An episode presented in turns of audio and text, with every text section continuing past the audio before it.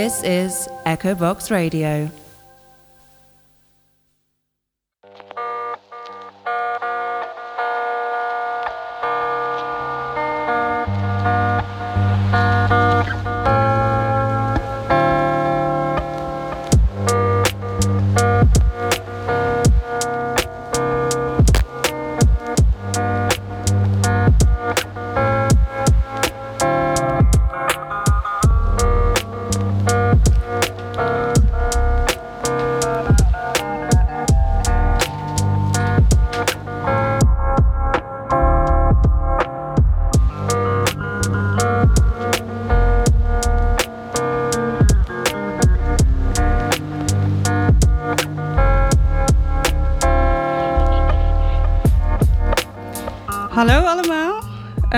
Dat jullie allemaal luisteren naar de Groene Paradox. Ik ben Apollonia.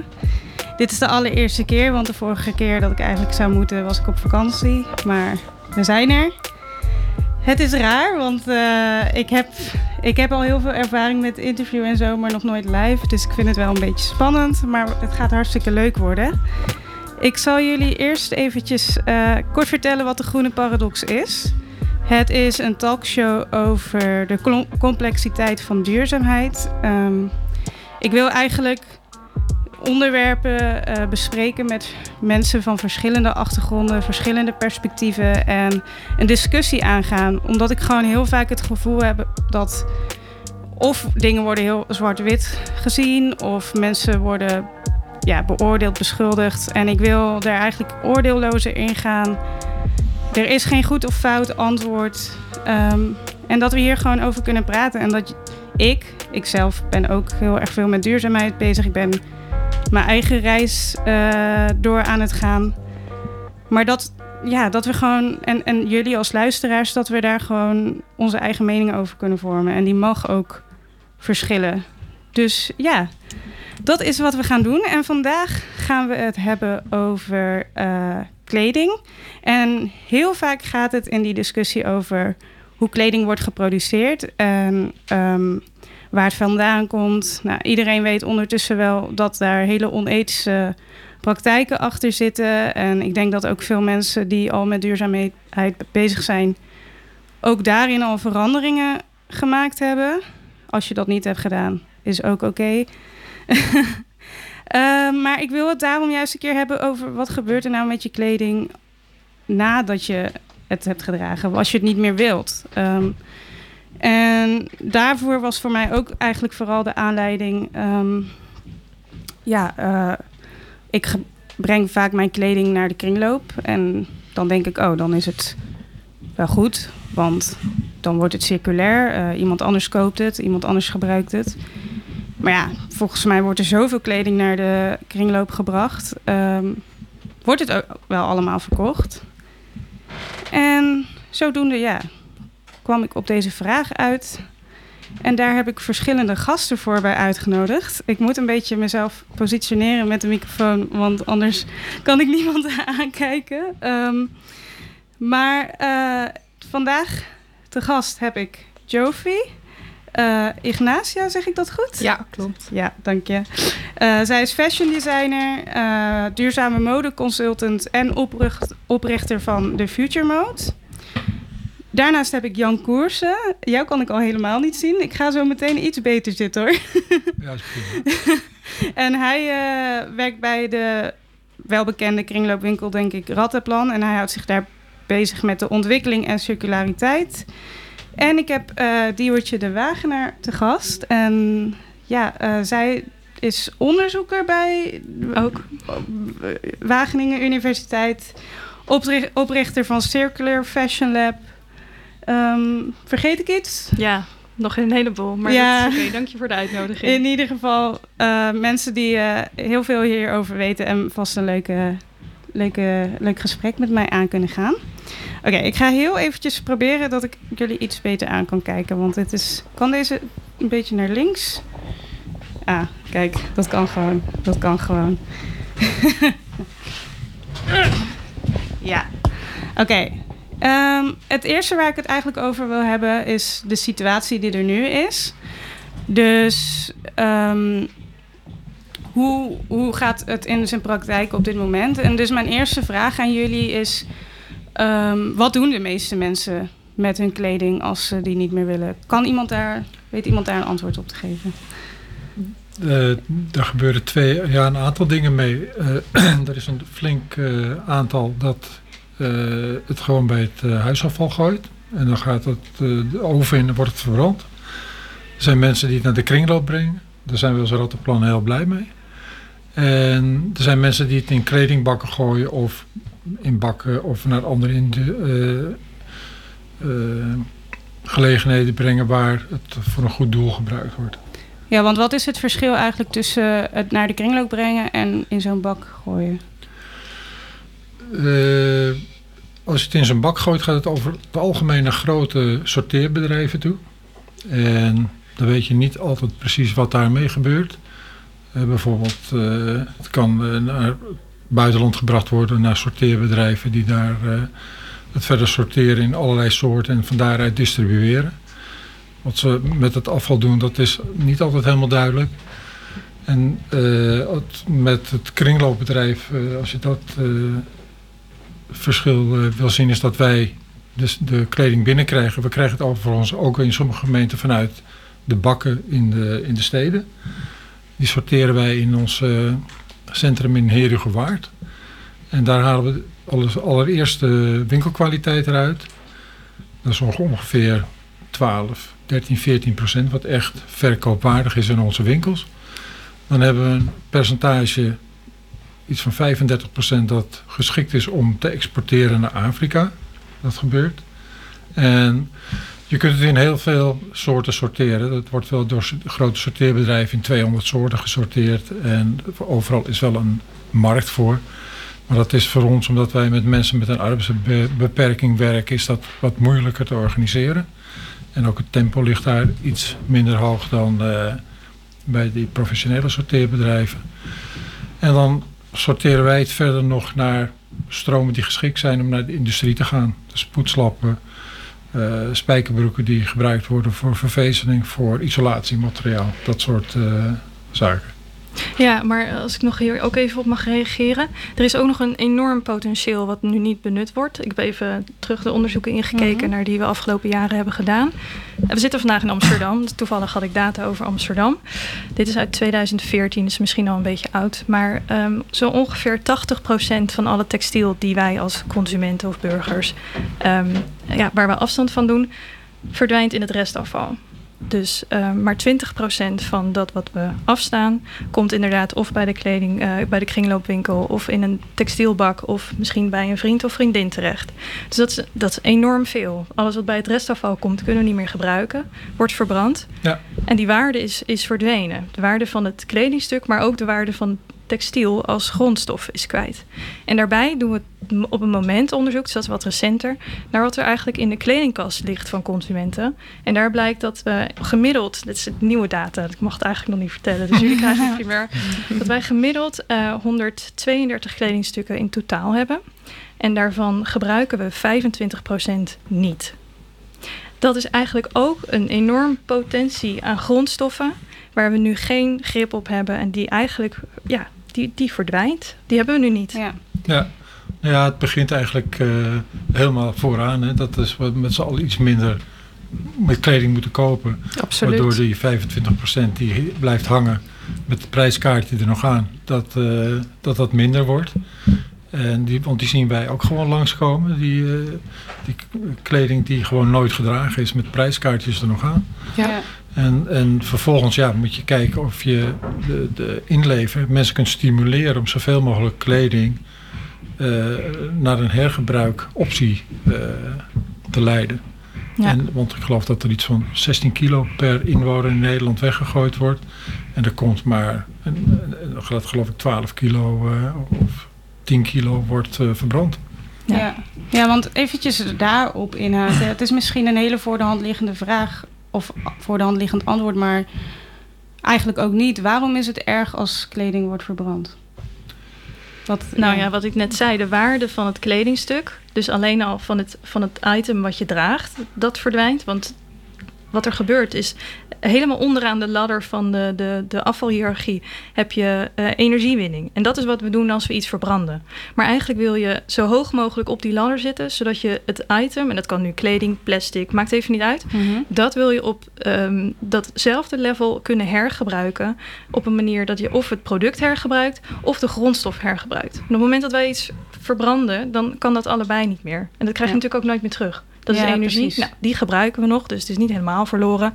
Maar als we kijken naar, goh, we willen een duurzame circulaire economie, is wel echt het allerlaatste wat je zou moeten doen. Ja, ja oké. Nee, duidelijk, duidelijk. Ja, ehm, ik wilde daar ook nog verder op inhaken, maar nu is mijn laptop alweer uitgevallen.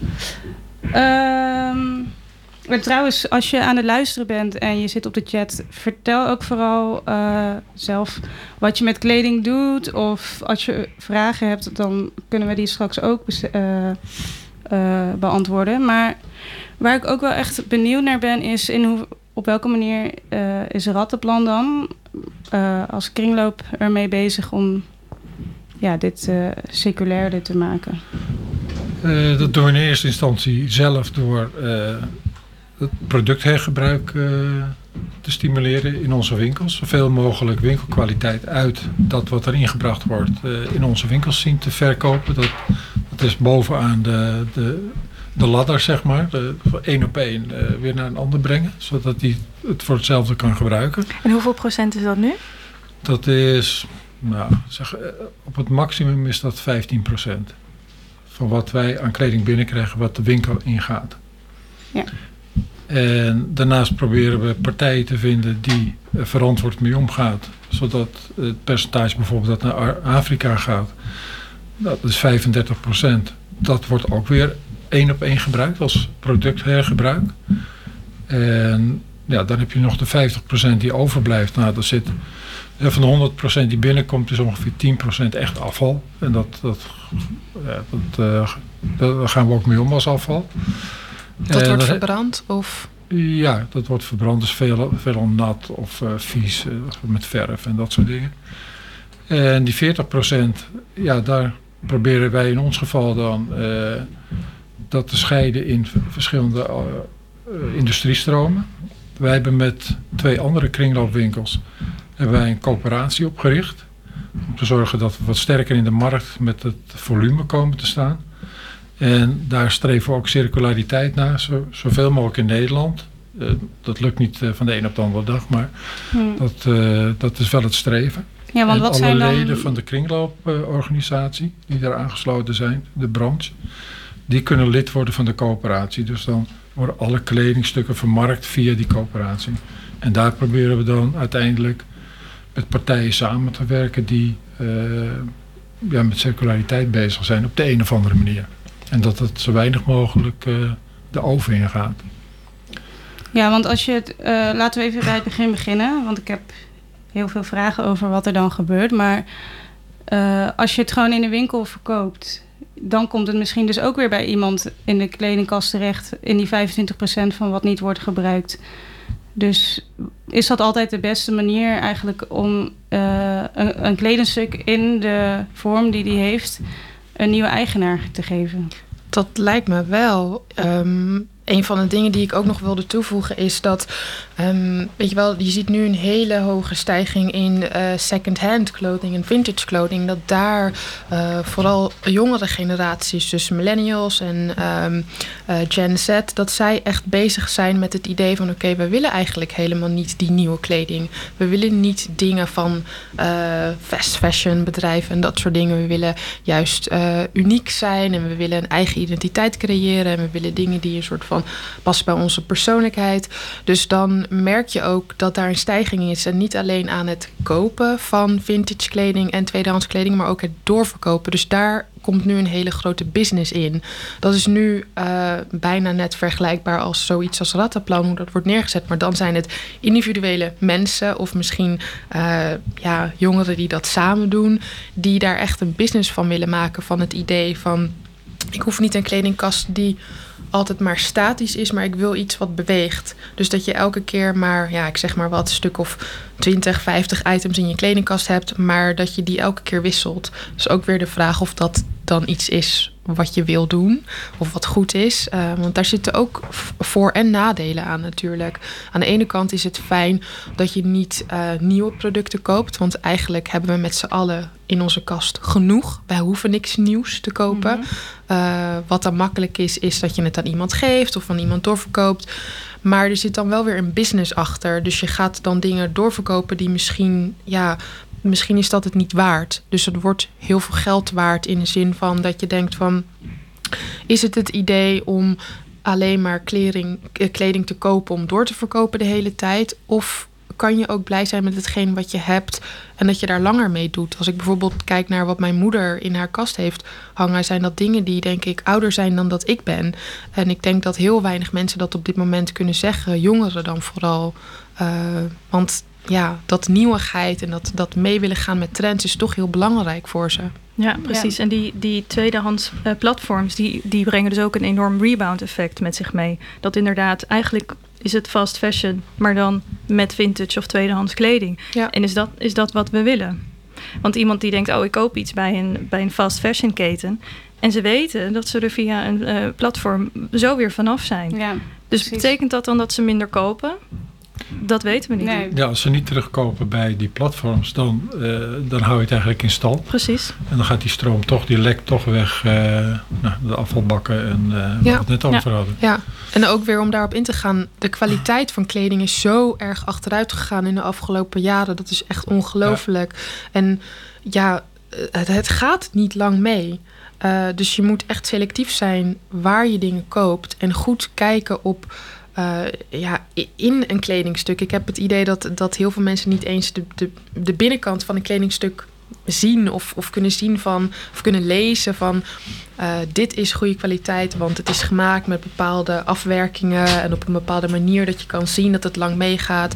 Dat er wordt gekeken of juist niet wordt gekeken naar care labels in de, in de binnenkant van kleding om te zien uh, niet alleen hoe je je kleding uh, het beste kan wassen en kan verzorgen, maar ook de compositie. Dus de, de soort samenstelling van materialen en stoffen ja. is ook heel belangrijk. Die skills, die eigenlijk voor mij, omdat ik daar mee bezig ben, heel voor de hand liggend zijn, maar voor heel veel mensen niet. Dus ik denk dat het ook belangrijk is dat wat hier ook aan tafel wordt gezegd, door Diewertje en door Jan ook dat we opnieuw gaan kijken naar de waarde van kleding. En het is niet alleen maar het kopen op zich, maar wat kan je doen om ervoor te zorgen dat, dat de kleding die in jouw kast hangt meer is dan alleen maar een kledingstuk, een product. Ja. Ja, mensen moeten eigenlijk meer bevrediging krijgen uit het feit dat ze iets lang hebben en het mooi blijven vinden, dan dat ze de bevrediging zoeken met uh, heel kort, korte bevrediging van ik koop Ja. even een item. Mhm. En na tien minuten heb ik alweer die behoefte om iets te kopen. Precies, ja. Het is ook echt een psychologie van waar komt die behoefte vandaan en hoe proberen wij die eigenlijk op het moment te vullen met ons koop- en consumentengedrag. Ja. Ja. Ja, Ja, en ik denk ook voor mij, want ik denk dat er ook wel heel veel mensen, of nou ja, veel weet ik niet, maar in ieder geval genoeg mensen zijn zoals ik die er wel heel bewust van zijn. En wat ik, je, je, hebt eigenlijk twee uh, dingen bij een kledingstuk. Het geeft je inderdaad identiteit, wat jij net zei, maar het heeft ook een functie. En het, er zit altijd denk ik een, soort strijd tussen de twee uh, als je duurzamer probeert te zijn. Want ik denk dat die functie dan voorop staat. In ieder geval als je heel lang met een kledingstuk wil doen. Um, ik maar weet niet of dit klopt hoor. Want ik denk dat juist de nieuwe generaties naar, zijn gaan zoeken naar vintage en tweedehand om hun identiteit te uiten. En om te laten zien dat ze anders om willen gaan met de, met de grondstoffen en met de kledingstukken die ze hebben. Dus ik weet niet of dit waar is. Ja, ja dat okay. zien we namelijk ook bij, bij andere artikelen die we binnen de kringloop verkopen. We zien steeds vaker jongere mensen komen die niet die standaard inrichtingen willen hebben, die grote ja, nou, die Ikea-achtige winkels verkopen. Dat je binnenkomt en denkt, nou, dat heb ik ook allemaal wat hier staat. Maar dat die ook zoeken naar een eigen identiteit en eerder combineren met wat ze bij ons kopen van 20, 30 jaar geleden. Met, met iets nieuws wat ze, wat ze wel in die winkels kopen. Ja, waar ik, waar ik heen probeer te gaan is zeg maar uh, dat je geen grip erop hebt op uh, wat er dus waar je kledingstuk heen gaat. Dus als jij wel graag een, een, kast, een kledingkast wil hebben die af en toe wisselt, je weet niet wat er met je kleding gebeurt nadat je het niet meer wilt. En dat is denk ik wat mij, wat ik soms lastig vind. Omdat ik inderdaad, soms heb ik van die periodes, dan denk ik, oh, ik ga een soort minimalistische capsule wardrobe. eh, ik ga gewoon alleen deze kledingstukken heel de winter dragen, want dat is genoeg. Ik heb niet meer nodig. En dan soms denk ik, ja, maar ik wil eigenlijk wel meer. Eh, want ik heb, vind het leuk om af en toe te uiten met de kleding die ik draag. Eh, en ik kan het altijd weer wegdoen of ik kan altijd nieuwe dingen kopen, want het is toch tweedehands. Maar ja, dat vind ik eigenlijk ook een beetje een eh, makkelijk gedacht. Snap je? Dat is ook best wel dubbel. Ja. Want en ik denk ook dat aan het eind van dit gesprek komen we ook niet tot de ultieme oplossing. Want dat is er niet. Dat Nee. bestaat niet. Dat is per persoon ook heel verschillend. Ik denk dat het belangrijk is dat. ehm, ja, ik weet niet. Ik ben op zo'n punt in mijn leven dat ik niet meer per se me hoef te uiten met een bepaald soort kledingstuk. En dat is dan mijn identiteit. Ik doe dat ook op andere manieren en andere dingen. Dat kan ook een soort generatie iets zijn. Ehm, maar ja, ik. En ik weet ook niet. Weet je wel, dat, dat kan je ook niet zomaar veranderen. Ik denk vooral om het eh, gesprek te starten, wat je nu ook hebt gestart, weet je wel, om het erover te hebben. En dan niet alleen met ons, maar ook mensen van jouw leeftijd en jouw generatie. Van oké, wat is dan belangrijk voor jou? En weet je eigenlijk wel wat er gebeurt met jouw kledingstuk als je dat niet meer wil? Ehm, want heel veel eh, kleding komt bijvoorbeeld ook, wat Jan ook aangaf, komt ook terecht in landen zoals Afrika. En eh, toevallig hadden Diewertje en ik, want we werken samen eh, bij Fashion Revolution. We hadden dit jaar een eh, best wel interessant event. En dat ging over fashion en colonialism. Dus we hebben verschillende eh, ja, eh, gesprekken gehad, Zoom-sessies over onder andere eh, dit onderwerp. En we gingen ook in over supply chain en waste. Dus we hadden het over waar gaat jouw kleding naartoe. En een van de gasten die we hadden uitgenodigd was Lisa Conno. En zij is een modeontwerper uit Nederland. En haar roots zijn, ze is Nederlands en Japans. En zij had een documentaire gemaakt en onderzoek gedaan naar ja, wat gebeurt er echt daadwerkelijk als jou... Ik weet niet of je hem hebt gezien. Heb je hem gezien, de documentaire? Ja, echt erg. Ik heb hem niet meer gekeken. Maar Maakt hij niet staat uit, wel op maar mijn lijst. Hij staat op het wordt zeg maar gefilmd en ingezoomd met het, met het kledingstuk gaat dan in die kledingbak. En dan volg je zeg maar dat kledingstuk waar het allemaal naartoe gaat. Mhm. Best wel heel levendig en, en interessant om te zien. Nou, op een gegeven moment eindigt een deel dus in Afrika. En dat wordt dan in hele grote balen daarheen geshipped. En die balen heten mitumba's. Ze hebben daar een woord voor gemaakt. Ehm, omdat dat zoveel daar binnenkomt. Ja. Dus er, er moest een soort woordbegrip voor komen. Weet je ook wat het betekent dan? Ja, volgens mij is het Swa Swahili's voor ja, gr- grote eh, balen stof of iets bij elkaar, zoiets of zo.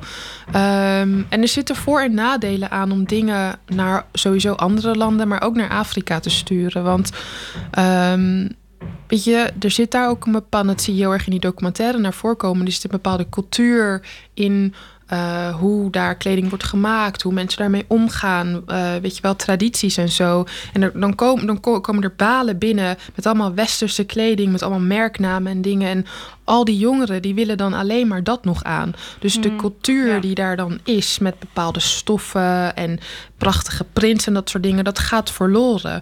Dus het is ook belangrijk om na te denken van oké, is het nodig? Ik weet dat in een aantal landen, ik weet niet meer exact welk land, maar in Afrika zijn er ook een soort. eh, eh, is er ook een soort stopzetting van dat er bepaalde eh, kleding niet meer daarheen geïmporteerd mag worden.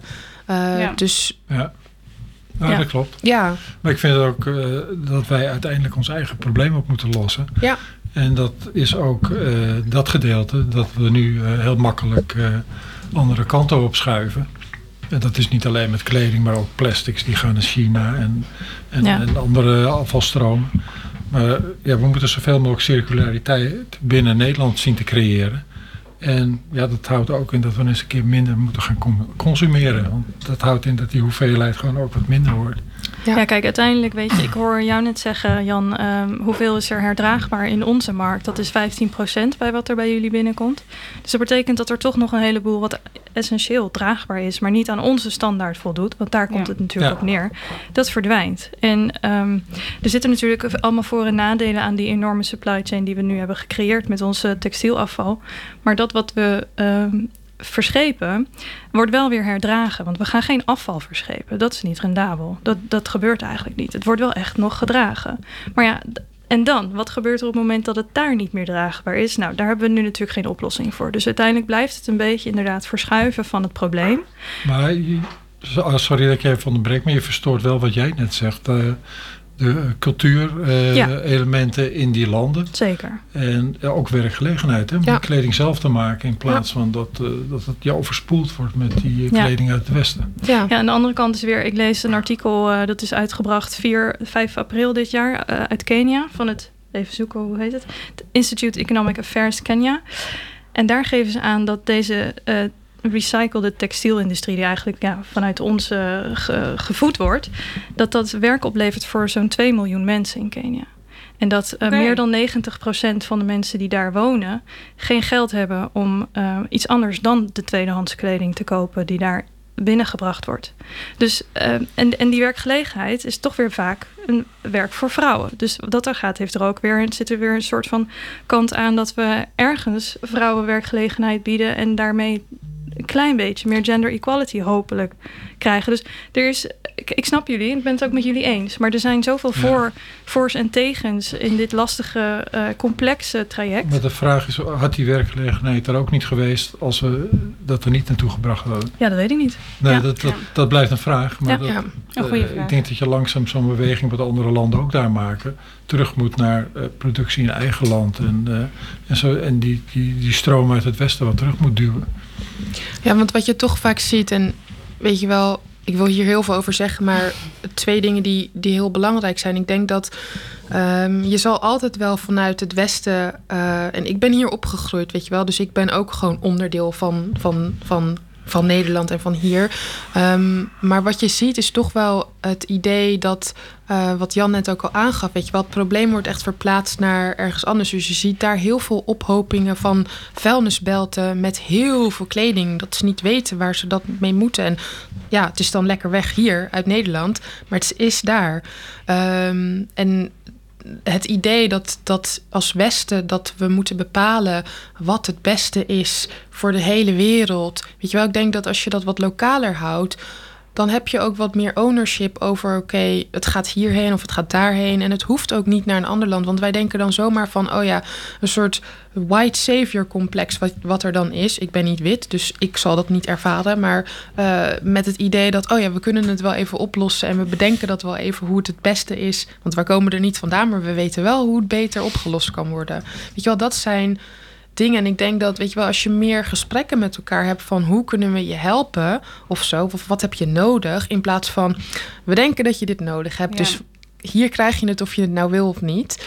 Um, en wat ik ook nog wilde zeggen, is waar Jan en waar Diewertje het ook over had. Weet je wel, als je meer nadenkt over lokaal produceren, dus dingen circulair doen, dan is het ook belangrijk. We hebben het nu toevallig over aan het einde van de supply chain. Dus wat gebeurt er met je kleding als je het niet meer wilt dragen? Maar we moeten ook naar het begin kijken. Want de, de kleding die wij hier uh, dragen, waarschijnlijk, en ook uh, kunnen kopen in winkels, die wordt niet in Nederland geproduceerd. Dus je hebt de hele tijd binnen die hele supply chain, vanaf het begin tot het eind, en uh, dan ook nog weer verder, dat het over de hele wereld stromingen heeft. Dus het het vliegt het schip de hele wereld over. Ja. Weet je wel, dat zijn ook dingen waar we het over moeten hebben. We kunnen het niet alleen maar hebben over wat gebeurt er met je kleding als je niet meer wil, maar hoe wordt het gemaakt of waar komt dat vandaan en waarom wordt het eigenlijk daar gemaakt? En kunnen we niet wat meer toe naar kleinere, lokalere vormen van circulaire economie? En wat levert dat ons op um, als land of als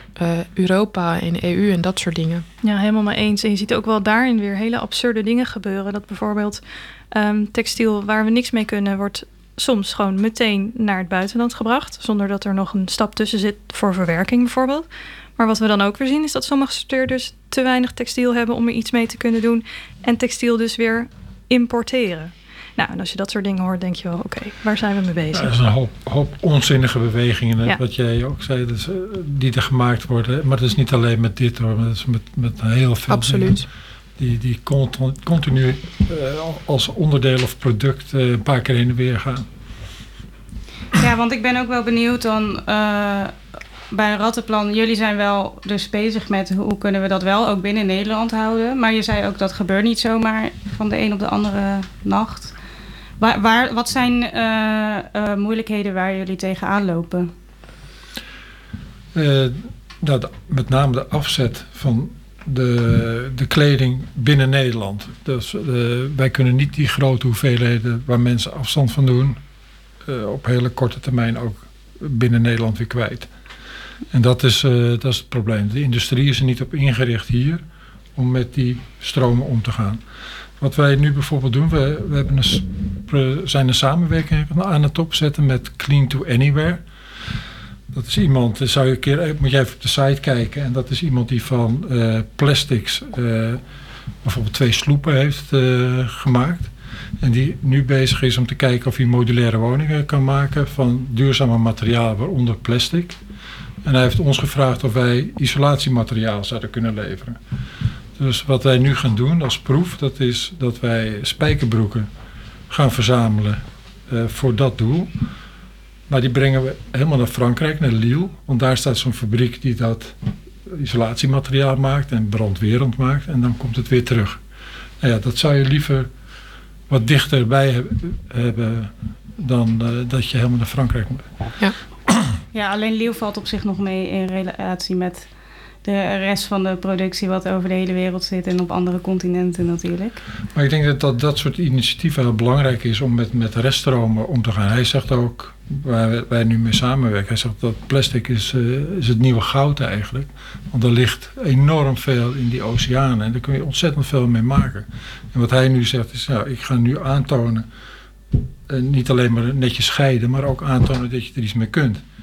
En er zijn ook mensen uit de, uit de bouw en, en eh, andere industrie die geïnteresseerd zijn van hoe gaat u bijvoorbeeld met krachten om eh, in dat plastic die je wel in andere materialen hebt. eh, en, en is dat één op één vervangbaar en zo. Dus dat vind ik wel mooie ontwikkelingen. Dus daar, dat soort dingen, daar doen we wel graag aan mee. Ja, en je zei ook ehm, dat jullie dat hij naar jullie toe is gekomen, maar Ja. zijn jullie ook zelf bezig met bedrijven zoeken waar jullie mee kunnen samenwerken? Ja, in de, nou ja, in ieder geval waar we het kwijt kunnen. En, en in dat proces kijken we ook naar van wat doen die partijen ermee. Is dat een, zijn dat nuttige toepassingen of gaat het via een achterdeur dan toch weer ergens heen wat, wat wij niet willen? Heb je ook, sorry, ma- mag ik een vraag stellen? Ja, tuurlijk. Heb je ook inzicht in ehm, welke stroom die jullie binnenkrijgen waar je niks mee kan doen, die het meest problematisch is?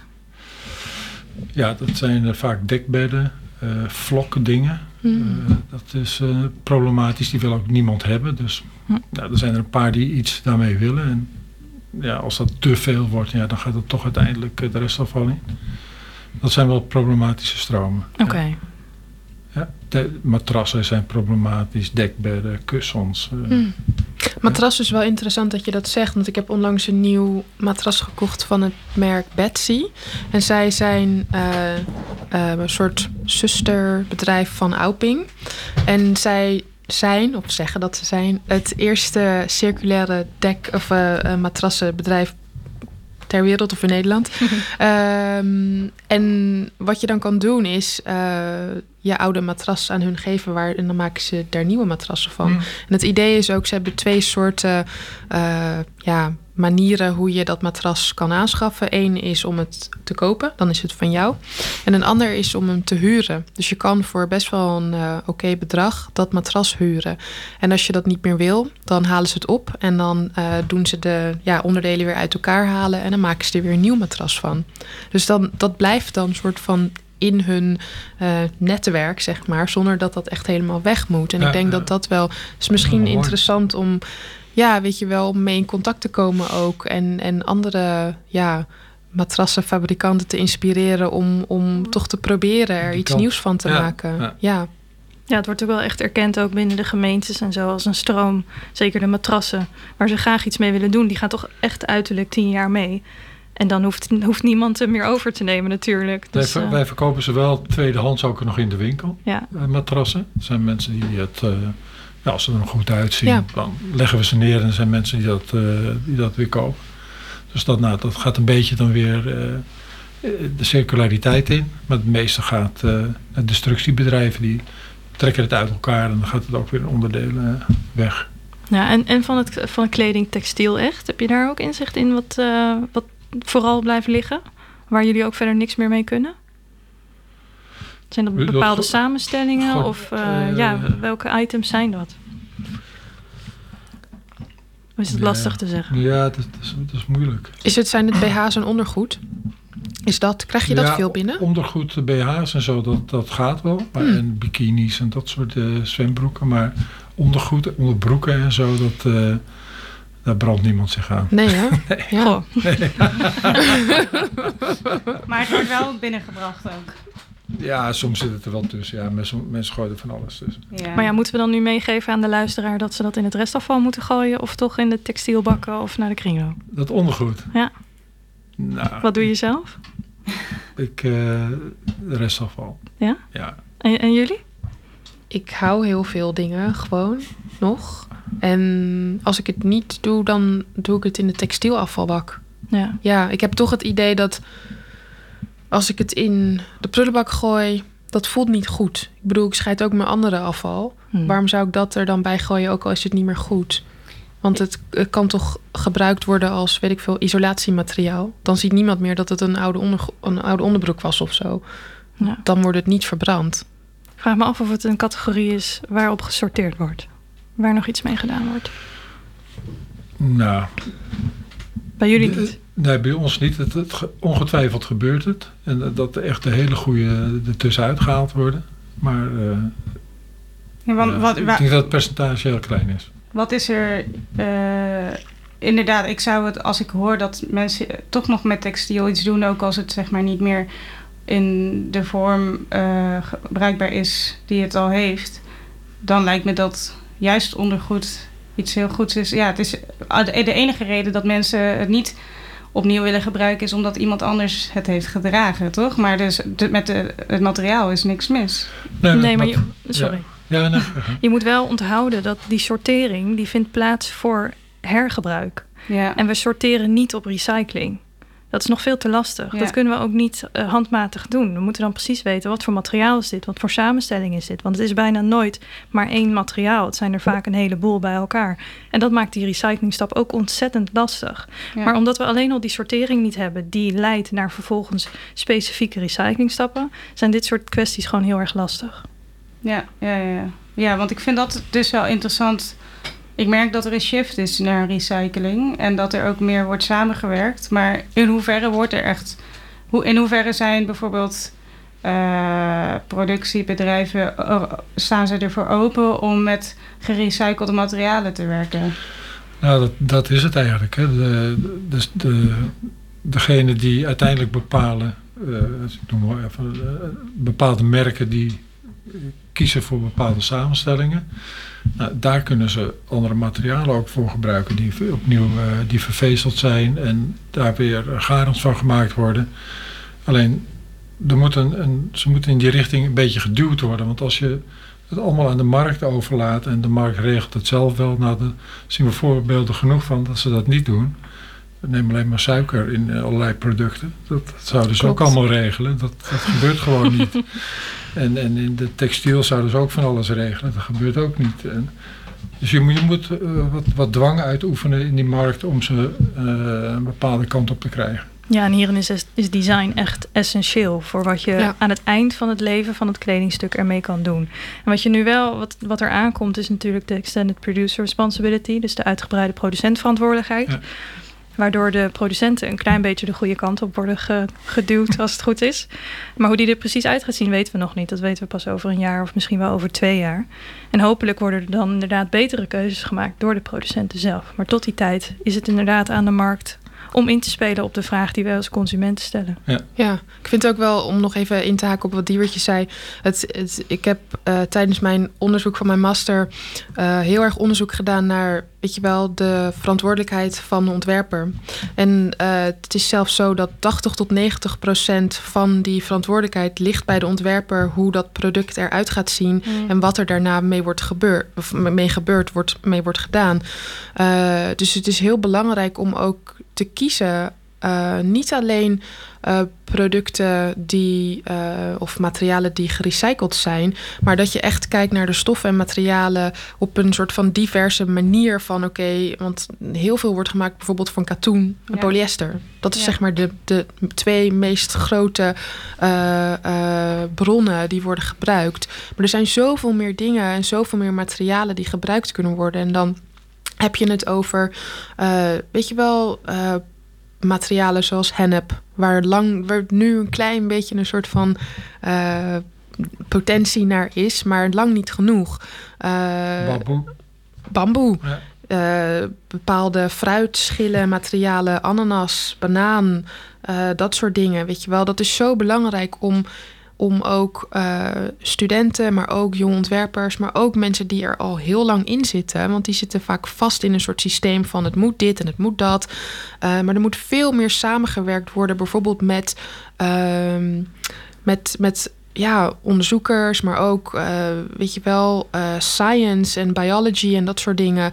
Om, om, om te kijken van oké, hoe kan je ervoor zorgen dat je eigenlijk niet eens die hele gerecyclede stroom nodig hebt. Dus dat betekent dat je eigenlijk na gaat denken over hoe kan een product, wanneer het soort van klaar is met leven en je hebt het aan een paar mensen gegeven, dat je het het liefst gewoon in de grond kan doen en dat er daarna niks meer van Oh ja. overblijft. Maar dat is ook circulair, toch? Ja, maar dat is tenminste waar ik vind dat we meer heen moeten. Ja. Um, want ik zie meer een waarde in dat uh, je iets produceert uh, en geen footprint meer hebt op het einde.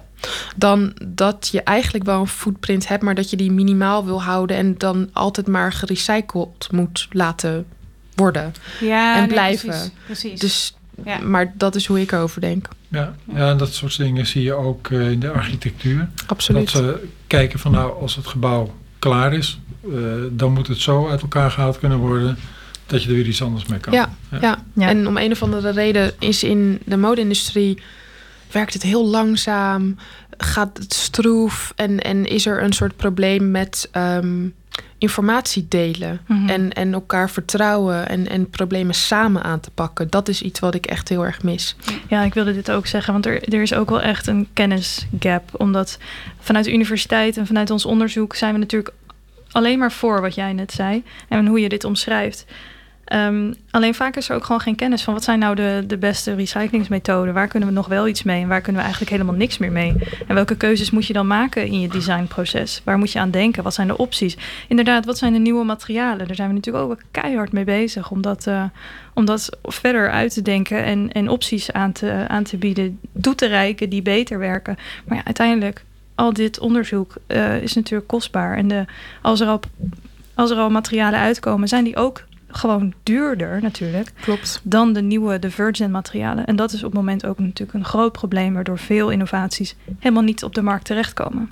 Dat is ook. Ja. Ja. En wat ik daar nog even aan wil toevoegen is, weet je wel, er wordt heel veel altijd in dat ontwerpproces nagedacht over materialen, materialen, materialen. Maar er is zoveel meer om over na te denken dan alleen maar het materiaal. Want je kan bijvoorbeeld bepaalde uh, methodes ontwikkelen die ik ook heb ontwikkeld. En niet iets wat nieuws, nieuw is, maar wat ik in mijn onderzoek heb gedaan is, weet je wel, dat je nadenkt over modulariteit. Dus hoe kan je op een bepaalde manier één soort kledingstuk op verschillende manieren aandoen, zodat je bijvoorbeeld ook de drager een soort van verantwoordelijkheid geeft en een bepaalde soort van um, ja, de baas kan zijn over ik wil vandaag dit met dit en zo en zo aan.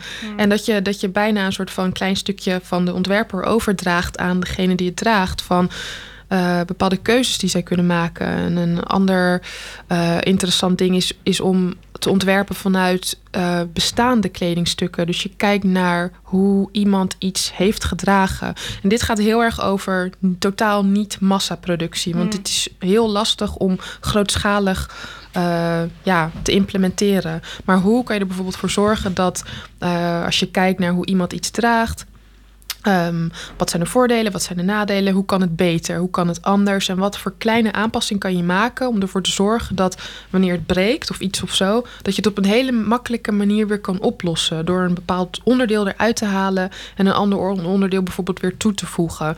Ja. Um, weet je wel, dus er zijn zoveel dingen. En ik denk het laatste, wat ook interessant is, en ik vind dat daar wel meer onderzoek naar gedaan mag worden. En het is best wel een soort radicaal iets om te zeggen. Maar ik denk als, als, als modeontwerper als ontwerpers moeten we ook nadenken hoe we dingen kunnen produceren die niet gebaseerd zijn op producten. Dus hoe kan je een ervaring uh, maken of een bepaald nieuw systeem invullen? Dat heeft helemaal niks te maken met, met fysiek producten, materiaal zelf, maar meer over een beleving en over andere dingen. Dan ga je meer die soort digitale wereld in en dat soort dingen. Daar moeten we ook meer naar kijken. Ja, ik vind het echt super interessant. En het doet me denken aan um, één uh, opdracht. Wij hebben vanuit de universiteit samen in samenwerking met Artes, uh, de Hogeschool van de Kunsten, um, hebben wij een cursus ontwikkeld. En die, nou, die heet Circular Fashion. Die is voor iedereen open, toegankelijk. Die kan je gewoon googlen. Um, en een van de video's die we daarin hebben gemaakt ging over um, design for disassembly. Dus hoe je iets uit elkaar kan, hoe, hoe je ervoor zorgt dat je iets ontwerpt wat uit elkaar kan, wat je inderdaad misschien op een makkelijke manier kan maken, kan menden, nou dat soort dingen. Wat hebben we gedaan? We hebben een, um, een sneaker uit elkaar gehaald. Daar hebben twee mensen acht uur lang van hun leven aan besteed.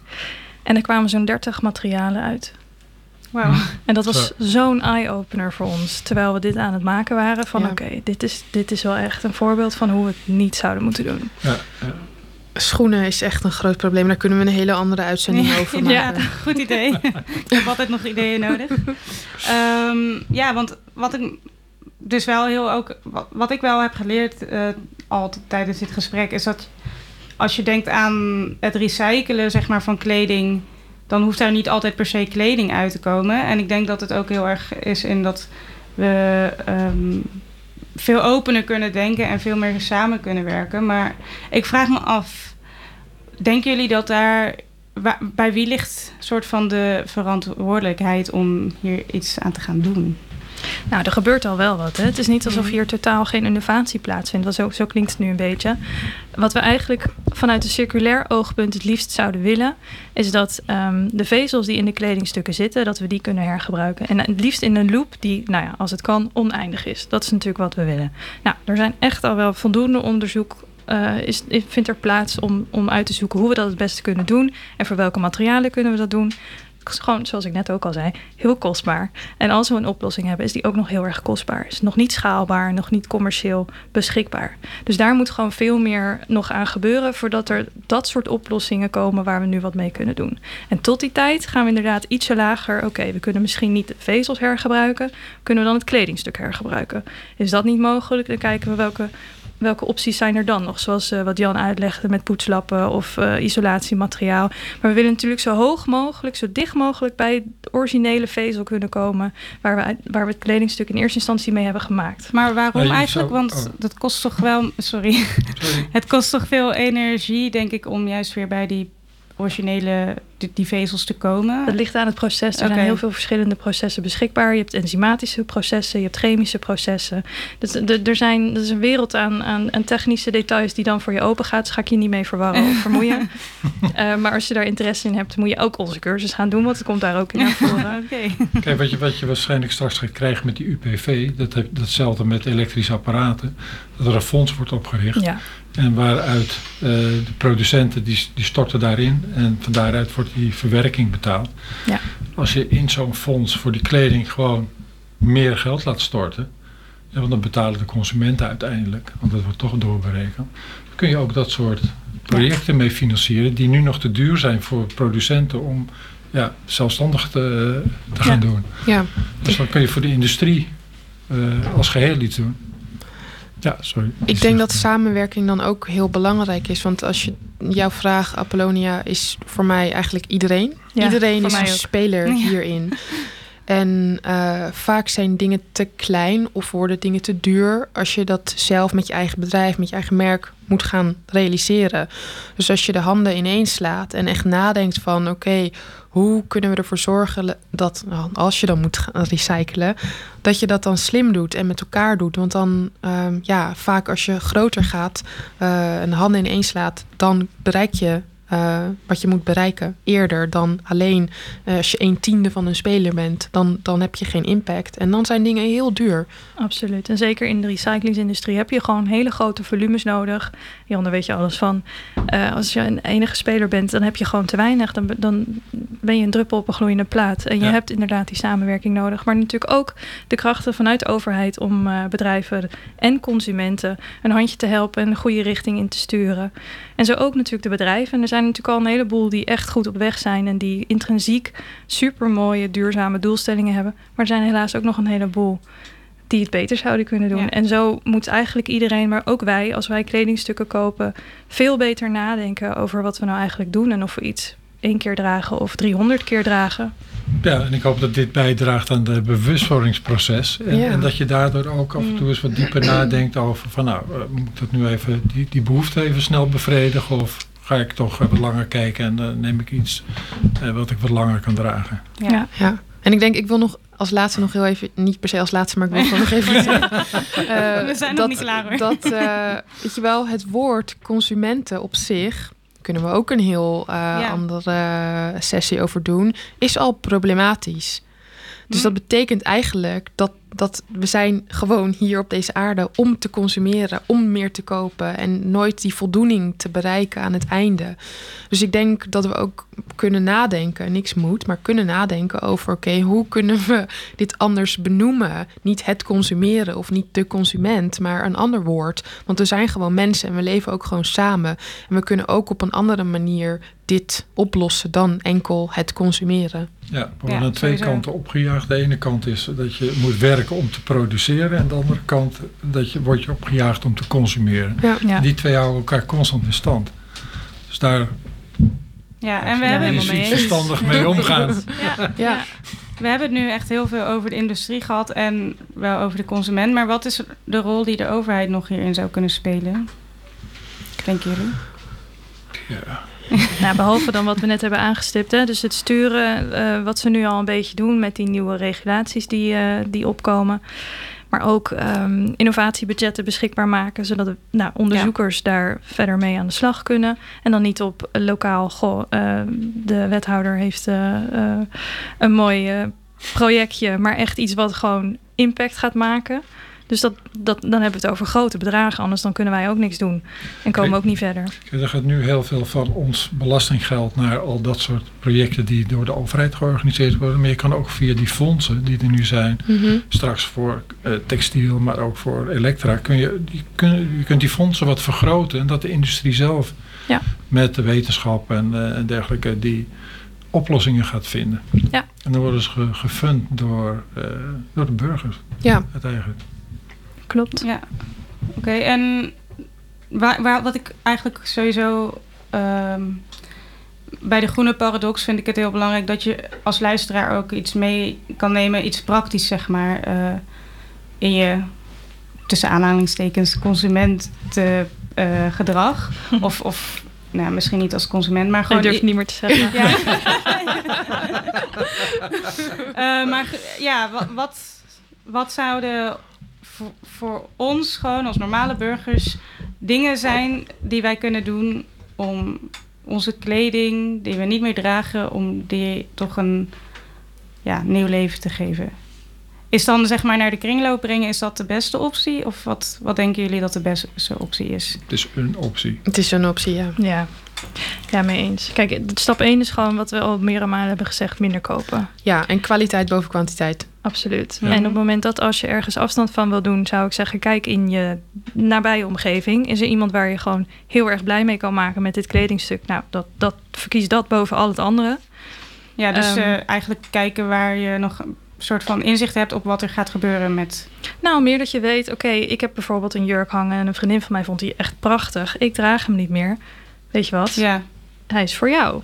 En, en als je weet dat iemand het zo mooi vindt dat diegene het ook gaat dragen, dat is natuurlijk honderd keer beter dan als je het ergens uh, neerlegt waarvan we niet meer weten wat ermee gebeurt. Ja, dan heeft het twee kanten waarde. Ja, precies. Ja. Ja, het heeft natuurlijk dan ook weer een stukje emotionele waarde. Want het is dan een jurk die ze heeft gekregen van iemand die ze goed... Ik noem nu een jurk, hè. het kan natuurlijk alles zijn. Ja. Maar dat betekent wel waarschijnlijk dat het langer gekoesterd en gedragen gaat worden... dan, dan iets wat ze ergens anders had gekocht gewoon. Ja. Dus dat is denk ik ook wel een belangrijke. Um, en sowieso jouw um, uh, struggle met betrekking tot je eigen kledingkast vind ik ook wel heel interessant. Want ik herken die ook wel. De ene dag denk ik, nou, ik word minimalist en ik heb maar 30 kledingstukken nodig en that's it. En de andere dag denk ik, nou, maar ik was toch ook een beetje boho en een beetje dit en een beetje dat. Hoe ga ik dat nou nu nou laten zien? Maar wat ik zou zeggen is dat wat je nodig hebt, investeer gewoon in duurzame en kwalitatieve items. Waarvan je weet, nou, die kan ik echt minstens 300 keer dragen en daar raak ik niet op uitgekeken. En al het andere, voor de afwisseling, ga eerst kijken, kan ik iets huren? Oh, dus niet kopen, maar in eerste instantie kijken of je het kan lenen, kan huren. En die items, die draag je een paar keer, breng je weer terug. En zo heb je dus wel afwisseling die we eigenlijk toch allemaal wel graag willen. Zonder het ownership van het kledingstuk, waardoor die in je kledingkast blijft hangen en bij die 25% komt die nooit meer wordt gedragen. Ja. Maar wat ik dan wel meteen denk, uh, als uh, arme student, is, is dat niet heel duur? Is het niet goedkoper om voor mij om iets bij de kringloop te kopen, zeg maar? Dat kan, het hoeft niet. Het hangt er een beetje vanaf. Want je hebt natuurlijk verschillende prijsklassen. En die heb je overal. Ook binnen de duurzaamheid. Mhm. Kijk, over het algemeen zijn producten die duurzaam gemaakt zijn ietsjes duurder. Dat klopt. En wat Diertje net ook zei, uh, herinnert mij heel erg aan. Weet je wel, dat we nu op dit moment eigenlijk nooit meer sparen om iets te kopen. We willen het gewoon gelijk hebben nu. En het liefst al gisteren. Ehm, dus de, de emotionele waarde en de waarde van van, weet je wel, oh, ik wil dat heel graag, want ik, ik vind het zo bijzonder. En er zit, weet je wel, dus een bepaald soort, dat, dat bestaat gewoon niet meer. Dat is gewoon niet. Het is gewoon, ik heb een t-shirt nodig, maakt niet uit, 3 euro, klaar. Terwijl als je na gaat denken over een t-shirt van 3 euro, 10 euro, 5 euro, whatever. Als je na gaat denken over verdelen in stukjes van wat blijft er dan over, bijvoorbeeld voor de persoon die het kledingstuk heeft gemaakt, niet zo heel erg veel. Dus ik denk ook dat we meer moeten gaan nadenken over of het logisch is dat iets kost wat het kost. En wat zou het dan ongeveer moeten zijn? Dat is voor mij een heel ander bedrag dan voor jou, denk ik. Maar ehm, denk ook gewoon na over dat het ook oké is om te sparen, om iets te willen en dat je daarnaar ja, precies, precies. toe gaat en niet dat het gelijk moet. Dat hoeft niet. Ja, vaak is het zo dat ook dat je als het niet kost wat het eigenlijk zou moeten kosten, dat verschil wordt vaak afgewenteld op de samenleving. Ja. Want dat komt ergens aan kosten, komt dat weer naar boven. Ja. En uh, dat doen we allemaal gezellig mee. En we hebben ook een uh, term voor, dat heet true price. Dus als je, dat, uh, als je daar meer over wil weten, kun je dat googlen. En dan leer je ook ineens veel meer over wat een kledingstuk eigenlijk zou moeten kosten... versus wat het nu kost in de winkel. Oké. Ja. Bedankt jongens, we zijn eigenlijk aan het einde van uh, de tijd. Dus ik moet gaan afronden. Ja, jammer. Heel erg bedankt dat jullie er waren en voor de goede voorbereiding. En ja, het was echt een, denk ik een heel goed gesprek. Um, ik wil het eigenlijk eventjes nog kort samenvatten, voor, uh, zodat iedereen eventjes goed weet, oké, wat moet ik met al deze overload van informatie? Ik denk dat wat we vandaag hebben geleerd, ten eerste is uh, waar je kledingstuk eindigt, begint al met wanneer je het koopt. Dus ik denk dat we gewoon bewust moeten zijn van... oké, ga ik... wat is de levensduur van dit kledingstuk als ik het nu koop? Um, daarnaast kan je als je klaar bent met het kledingstuk... kijken van bewust zijn van... oké, waar breng ik het heen? En niet lui, oké, uh, ik gooi het of weg of naar de... Maar je, er zijn genoeg opties waar je ook wel even tijd in kan steken... En ja, ik ben ook heel erg benieuwd wat er hopelijk snel in de industrie gaat gebeuren uh, in, dit, uh, in deze tak. Um, dus ja, heel erg bedankt voor het luisteren en ook bedankt voor het meedoen. En tot de volgende keer. Wat ik, nog één ding wat ik wil zeggen, heel snel, is dat ik een forum heb gemaakt op Reddit. voor de mensen die luisteren. Als je hier nog verder over door wil praten, ga dan naar Reddit facebook.com slash r slash The Green Paradox. Dus in het Engels. Welke taal je daar spreekt maakt ook niet uit. Dankjewel. Tot ziens.